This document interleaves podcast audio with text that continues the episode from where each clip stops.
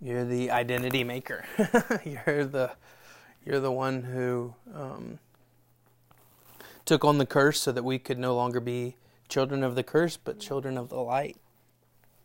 And so, God, we ask that, um, Lord, I don't know how we can ask for more. We just say thank you. We, we really, you're the God who still gives more and, and wants us to continue to ask. But, Lord, when we think about our identity, we just say thank you.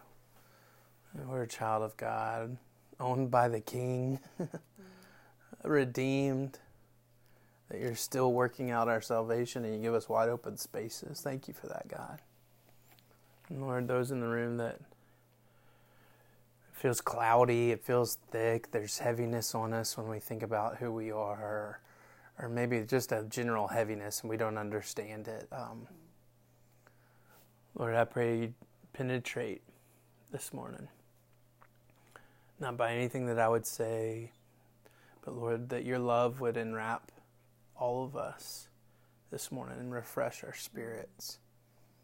God, we need the Sabbath, we need, we need the rest, but ultimately we need you to speak over us. So, Lord, speak. In Jesus' name, amen. If you have your Bibles, you can turn to Mark chapter 10. So, um,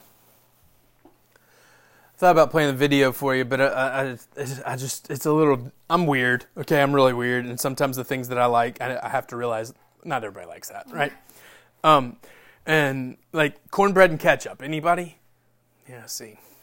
Yeah. Uh, but it's the thing. It's cornbread and ketchup. It's awesome. Um, but there's things that I like that some people don't like. But so Ann, uh, maybe Wednesday, maybe I don't remember when you sent me the video. It was Friday. Was it Friday? Uh, and and uh, sends me, this is our song. I'm like, we, we hadn't had a song since high school. What is. Right, right. like, we hadn't had, is it? So, Johnny Swim, anybody ever heard of Johnny Swim? Love Johnny Swim. So, um, the, that's a band, by the way. weird name. Um, and and so uh, she sends me this, and um, and we can blame Anne for for pulling us off of Palm Sunday. That's what it is. I was working on the Palm Sunday message. She sends me this, and um, I had this other thing stirring deep in me, and I was like, no, maybe I shouldn't do this. And then she sends me a song which completely confirms it. And this idea of um, a couple looking around their life and saying, "You're it. Let's burn all the other bridges. Like, let's burn the bridges down." And uh, you know it's just it's got a cool sound to it. It's cool music. But man i found myself worshiping in that. Not worshiping my wife but ultimately like we get to points in our lives where it's time to focus only on the one thing. And um and God just kind of directed me back to something we read this morning, actually. So in uh, Mark chapter 10, before it, and I kind of shared this last week, Jesus is like, it's kind of this start slow. He uh, gets baptized, he goes to the wilderness, he goes to a wedding. There's like these slow interactions. And then by the time, like Passion Week, right? Like he's not even, we don't see him sleeping that much, right? He's, he's just constantly healing, constantly teaching, constantly ministering.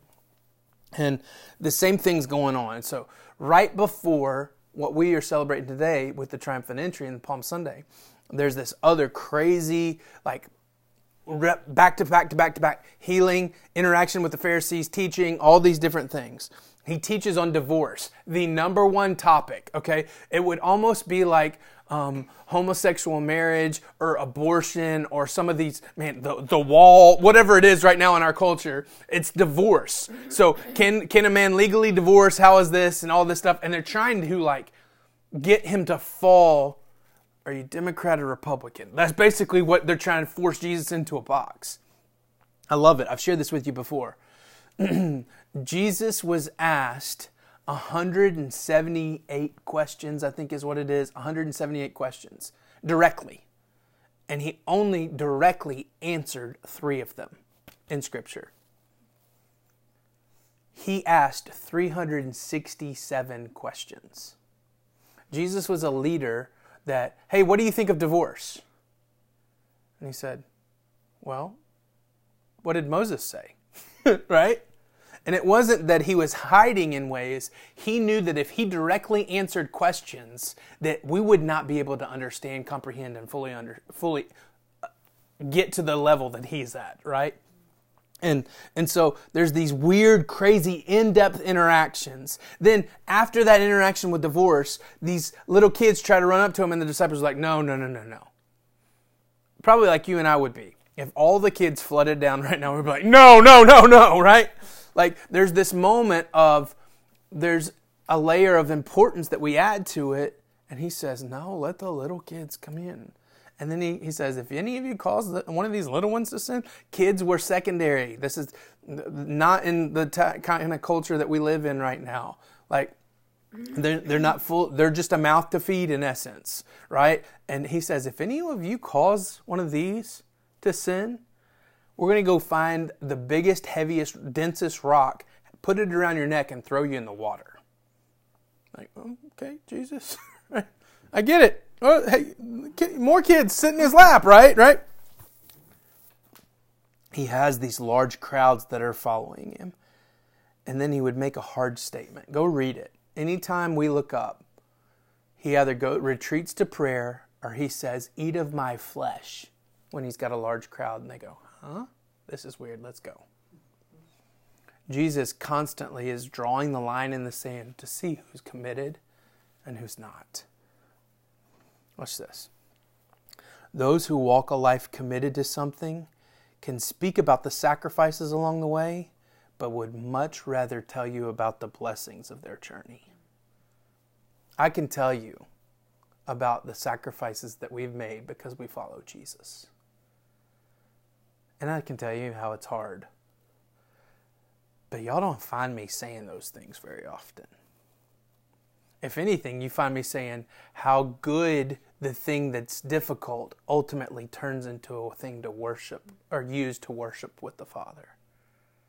I speak of things in my journey that are blessings because Jesus is that good. And 2,000 plus years ago, when he's coming into the city, that they are thinking he's going to set up his kingdom, he's going to sit on the throne, and we're going to kick all these Romans and hypocrites out of here. Have you ever made that statement? Man, I don't go to that church because it's full of hypocrites. Right, right. We always think, where are the hypocrites supposed to go, right? Like where we're condemning them to hell in that moment, right? Hey, guess what? Your pastor's a hypocrite. I'm a hypocrite. Like we we all deal with hypocrisy.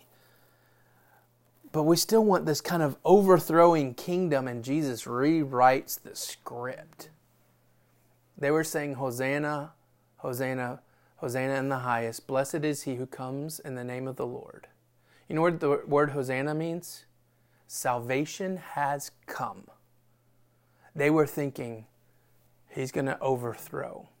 They were making a correct statement. He just didn't do it in the way they thought he was. You see, sacrifice and blessing are the same coin with Jesus. They're always the same coin. Mark chapter 10, verse 17, ultimately has set us up in these teachings and all these things that Jesus has been doing to this interaction.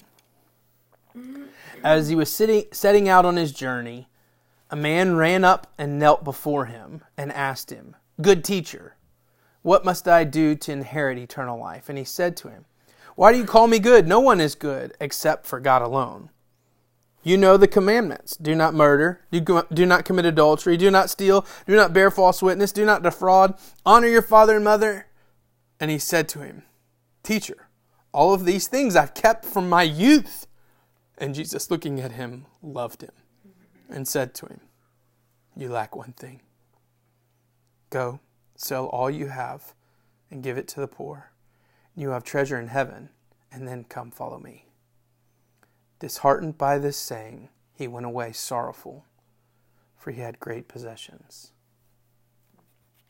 You've heard this before, maybe even see it in your Bible. It says rich young ruler, right? Think about the context of society today and even even more so the society back then. Rich, bad context. Bad adjective in that moment. Young, bad adjective in that moment. Ruler, and we put them all three together, right? So you probably have a bad taste in your mouth right off the bat around this young man, but I'm telling you, we are him. And we need to learn from him. Oh, to have a relationship with Jesus where he says, Ryan, you just lack one thing. Think about it. I, I probably have a list, and this man had one thing. So let's learn from the rich young ruler for a moment. First point we must live a life decisive about Jesus. Obviously, I, I, quoted The Office last week, and I'm about to quote it again this week. Man, sitting on a like who who can ride a fence? And then Dwight from The Office says, "I can sleep on the fence." Well, the trick is you just put the fence post in your mouth, right? Right? Like what? How's that work? Sorry, but I, I, say things sometimes just to impress my wife and make her laugh, right? Um, but there's this context of sometimes we ride the fence with Jesus Y'all, I do it, and I carry the label pastor, right? We ride the fence with Jesus and we don't even realize it. We must be decisive around those contexts with Jesus. We think we would, but there's this thing that hinders us sometimes. Hinders us in worship, right? Hinders us in how we interact with our kids, how we interact with one another. We're not being decisive about Jesus. If I'm decisive about Jesus, influences everything. Watch this Jewish man, ruler, young, rich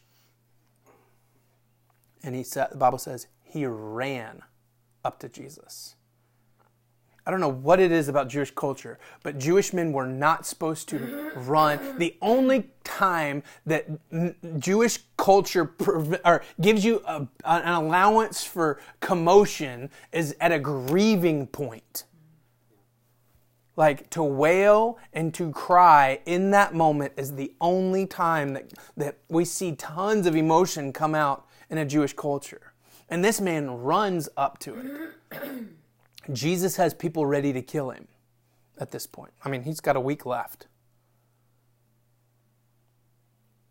Um, okay, I don't know what example. Let's say that there we, we I, I spend the first 10 minutes telling you of a story of someone who, who desperately wants me dead and how we're a little anxious about it because they know where we live and all this all of a sudden the door opens up and someone runs up to me. What what's going to happen?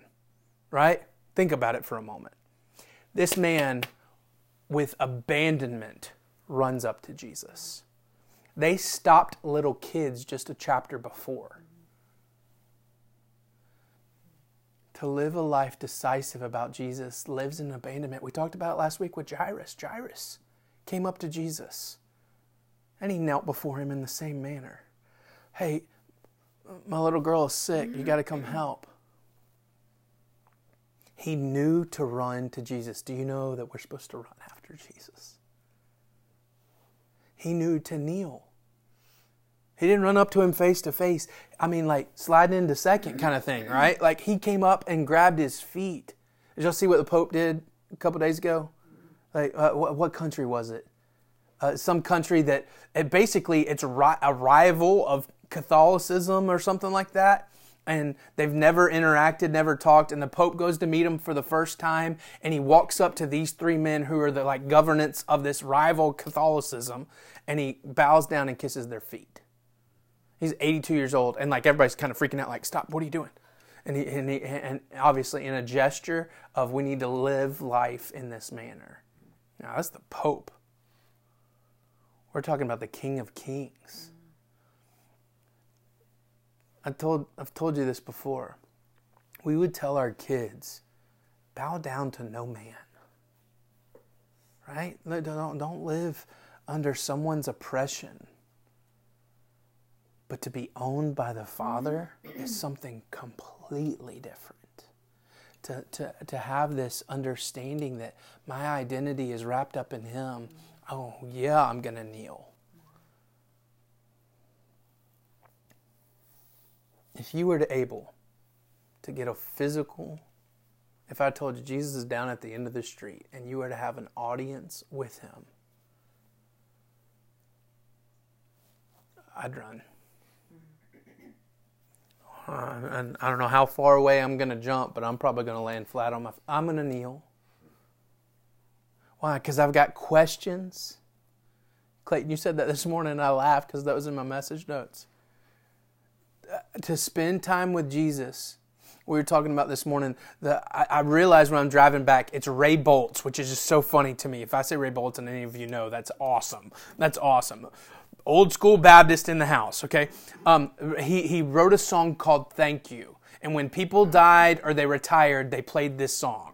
And then it's like, hey, when I get up to heaven, I'm going to walk up to you and you're not going to know who I am, but I'm going to spend time just thanking you. And then there's going to be a line of people behind me. And I'm like, no, there's not. Jesus is in heaven. I don't care about her at that point. I'm, i love my wife, but I don't care, right? And Clayton said, yeah, uh, yeah, if it's you, screw you. I'm going to go ask questions, right? I got time with the king. Watch. I've got to go worship, but before I've worship, I've got a plan to worship. This young ruler planned if Jesus is going to be here, mm-hmm. I've got to get to him. He abandoned his current thing that he was doing to run.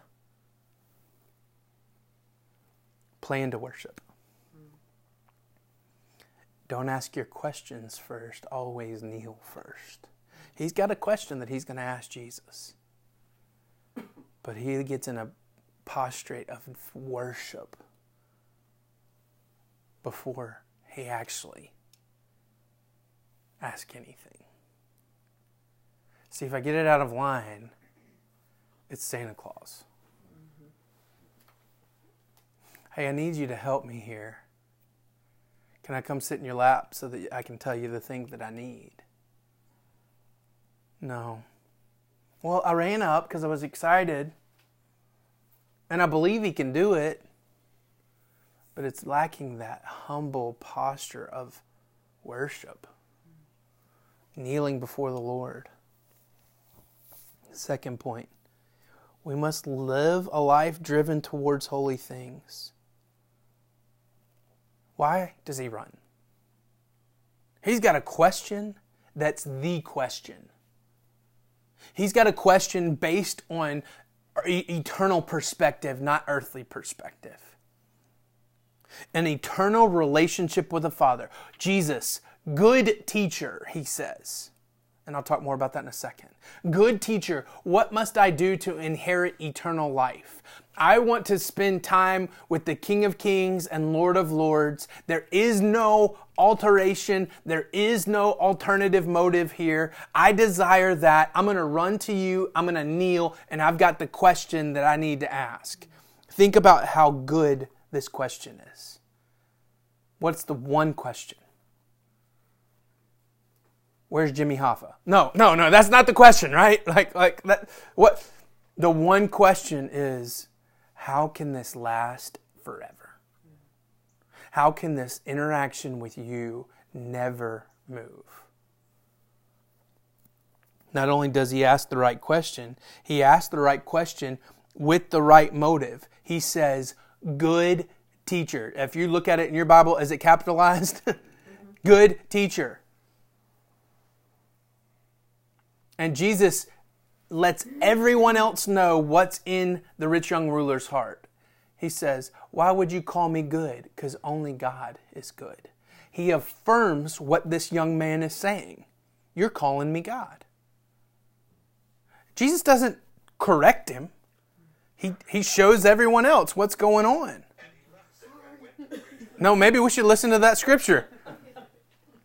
The, but, he, but, but Jesus has this perspective, or the, the rich young ruler has this perspective. Rich young ruler. He's seen all the other teachers. He's interacted with them because he has the prominence. And to call someone teacher means that you're willing to follow. Back then, rabbinical teaching, there wasn't school to go, uh, okay, a bus is going to pick you up and then you're going to. No, that doesn't happen. You've lived with that person. So he's opening the door to say, I'm under you forever. Because I'm asking this eternal idea. Oh, to be able to ask the right questions with the right motives. I have to check my motives all the time. Am I mani- manipulating the situation? Am I altering what, what I'm, am I trying to get the Santa Claus thing? Yet I, I know that if I humble myself, I'll get the good toy. That's false humility, isn't it? No, he's King of Kings, Lord of Lords. I'm not. I need to humble myself before him. If we live a life driven towards holy things, it rends away all the things that are not holy inside of me, which is pretty much everything the eternal relationship with the Father with an eternal perspective. So, watch, he asked the right question in the right motive, and he chose the right person to ask it of. He could have gone to everybody else. You do that? I know you do that because sometimes you guys come ask me, and I'm not the right person. Jesus gives a perf- us a perspective that no one else can. if I haven't Jesus filtered my decisions, they're probably not good decisions. When I plan to worship and my worship opens a place for my questions with the right motives to be answered by the King, everything in my life shifts. I planned to worship the King. And out of that worship, I asked the questions in the right motives of the King that's when life shifts. That's when burdens are released. That's when change takes place. Because if I get things out of order, if I go to Him just to get the question answered without any worship, it's messed up. If I go to worship and never have any fallout in my life, it's messed up. If I do any of it with someone else and not the king, it's messed up. We have to live a life decisive about Jesus. We have to live a life driven towards holy things. But, point three, we must live a life determined to walk in humble faith. He says, Good teacher. What does that say of him? He's a student, he's there to learn not to accomplish. I love this. How do you grade the paper on how how do you inherit eternal life? That's not something to grade. That's not pass fail. He has nothing to get out of it outside of the burden that's in his soul to spend eternity with the Father. How do I do that, Jesus? He's not just seeking instruction. He's pairing submission with instruction.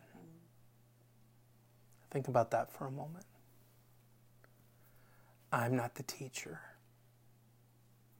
You are. And that's probably a good enough day. But then he still asks the question. We deal this with Max. We deal this with all, you anybody has kids deals with this. I promise you really don't know. You're trying to argue with me, but this argument isn't going to go very far. Anybody, uh, 18, yeah, 18 year old, you've been there, had 18 year olds in the house before. Everything's messed up. I was telling the guys this morning, physiologically, there's two times in life where we know egocentrism takes place in a toddler and in those later teen years when they're coming off of all that puberty hormones. Their their mind is literally trying to catch up to all the hormones that are taking place and they the world revolves around them. They're selfish. And I'm selfish. But in the same process, I have to communicate to someone who thinks they know something. It's like talking to the wall, right? Someone who thinks they know something. He's coming up, sliding into second, in essence, going, I got nothing, you got everything. And Jesus loves that interaction. The Bible says that Jesus looks at him and his face is filled with love. He had great compassion upon him. I love this. Humility explodes the dam that holds back God's favor. When I'm humble before the Lord, He's like, here's a new car. No, I'm just kidding. But but in essence, in a spiritual realm, when I'm humble before the Lord, He can't stop giving. That is in His very character. False humility is only lip service, but true humility is discovered in how our lives are lived when no one else is looking. I can have false humility in front of you guys. I can never, ever treat Philip like I should treat Philip, but in front of you, hey, y'all, Philip's incredible. And I, and I, oh, he, he's the smartest man in the room. I could, I could do all these things, but that's just lip service. If in 15 minutes I'm like, you idiot, right? Play it out. when I'm in the presence of the Lord, He has everything. But when I walk away and I get distracted, He feels like He has very little. True humility looks for moments to give things away because when I give things away, God's favor is returned. Humility brings a daily demand of sacrifices in all areas of life. Think about this interaction. He runs, he kneels, he asks the right question with the right motive of the right person. And even in humility, Jesus is the one that brings up the resume. He says, You know the commandments. Jesus says it to him. I, I, I, picture this. The rich young ruler's got his face in the ground because he's, he's in a humble way. And Jesus is, is, is saying, hey, you know the commandments honor your mother, don't commit adultery, have no other gods. He starts going through, through the law. And I, and I picture the rich young ruler like, I'm about to get it. I'm about to get the question that I'm like, like, yes, because he knows in his spirit, he's kept all of them since he was little. He's done all the things that, the resume that Jesus is walking through. And there's this moment, I just visualize it, where the rich young ruler is, is coming up off of his knees and looking at Jesus. Because the Bible says Jesus looks with his face, talks about his facial features. And on his face, it carries lots of compassion. And about the, uh, the time they make eye contact, he says, Yes, Lord, I've, I've done all these things since I was a youth. He says, Yes, but you lack one thing. The best of intentions, the best of our lives, still we don't get it. And Jesus, with grace and compassion, touches the area that's not surrendered and says, Let's sacrifice this. And the Bible says, if you go look at the message or the amplified version, at that the young man, his face fell, and he walks away in humility, or uh, in humiliation, in essence. You lack one thing, and he doesn't say anything else. He turns and he walks away because he had lots of possessions. Fourth point How can we learn from the rich young ruler in this last area that's not appropriate, that's not holy? In the he's he's full surrender, but there's something in his pocket that's not fully surrendered concept. How can we live a life totally surrendered to where we don't lack the one thing? Watch this. Humility paired with faith is a life with no safety net. Look at what Jesus says after this man walks away in verse 23. And Jesus look around, looked around because Jesus just threw down the gauntlet with the best of the best. Jesus looks around and says to his disciples, How difficult will it be for those who have wealth to enter the kingdom of God? And the disciples were amazed by his words, but Jesus said to them, Children, how difficult it is to enter the kingdom of God. It is easier for the eye of the camel to go through the eye of the needle for that for a rich person to enter the kingdom than for a rich person to enter the kingdom of God. And they were exceedingly astonished. They're thinking, "What about me?" And he said to them, Then who can be saved? And Jesus looked at them and said, With a man, it's impossible. But with God, for all things are possible with God. Peter began to say to him, See, we've left everything. like, what's going We've given up all our stuff. He didn't, right? Jesus said, Truly I say to you, there is no one who has left house or brothers or sisters or mother or father or children or lands for my sake and for the sake of the gospel who will not receive a hundredfold now in this time houses and brothers and sisters and mothers and children and lands with persecution and in the age to come eternal life. But many who are first will be last, and the last will be first. Watch this. If I live in humble faith, it's tons of risk. Humble faith is filled with impossible sacrifices.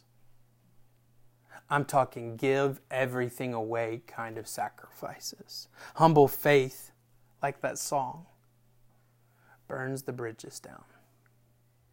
There's no going back. I, I, have this life that I live, but then I've got this safety bridge. In case this doesn't work, there's a plan B. And Jesus says, Hey, you know that safety net of all those things? Go give all that away, burn that bridge. There's no safety net. We've talked many times before that we want to keep up relationships with friends that we've served in ministry, but because we're doing ministry so differently, and, and just to be honest, sometimes it's a struggle. I think, Lord, should I not keep that friendship just because I feel like it might be a safety net where I could call them and say, dude, I got to get out of this? No, I need to burn the bridges. Now I can keep a relationship without that. But in essence, for me to say to you all, what does this look like for us to burn the bridges? To burn the bridges to where we are abandoned to the thing God's placed in front of us, to the heartbeat of the Father, to where we can't give more away, and I'm not just talking financially, like of ourselves sacrificially, putting our kids in areas that, that that's like crazy, crazy faith. If you go and look at it, that's the early church. They say, Jesus, how can anyone inherit eternal life? One day later, he walks into the city, rides into the city on a donkey. And, he said, and he's said that statement a day before. With man, it's impossible, but with God, all things are possible. And a week later, he's hanging on a cross. A week later, he's saying it is finished over the impossible. Whatever's next, let's be all in. No exit signs, no safety net, no bridges. Whatever's next, to the point where faith is the description of how we're living life. That's what Scripture says by faith, not by sight. So here's what I want to do. I want to ask you to close your head, close your head, close your eyes, bow your head, and I want to just kind of lead you into a moment with the Lord,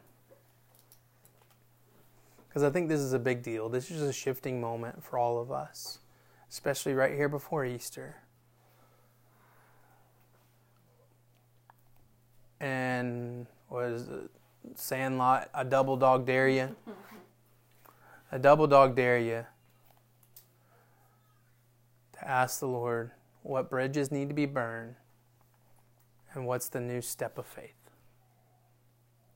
We'll just sit in the silence for a moment.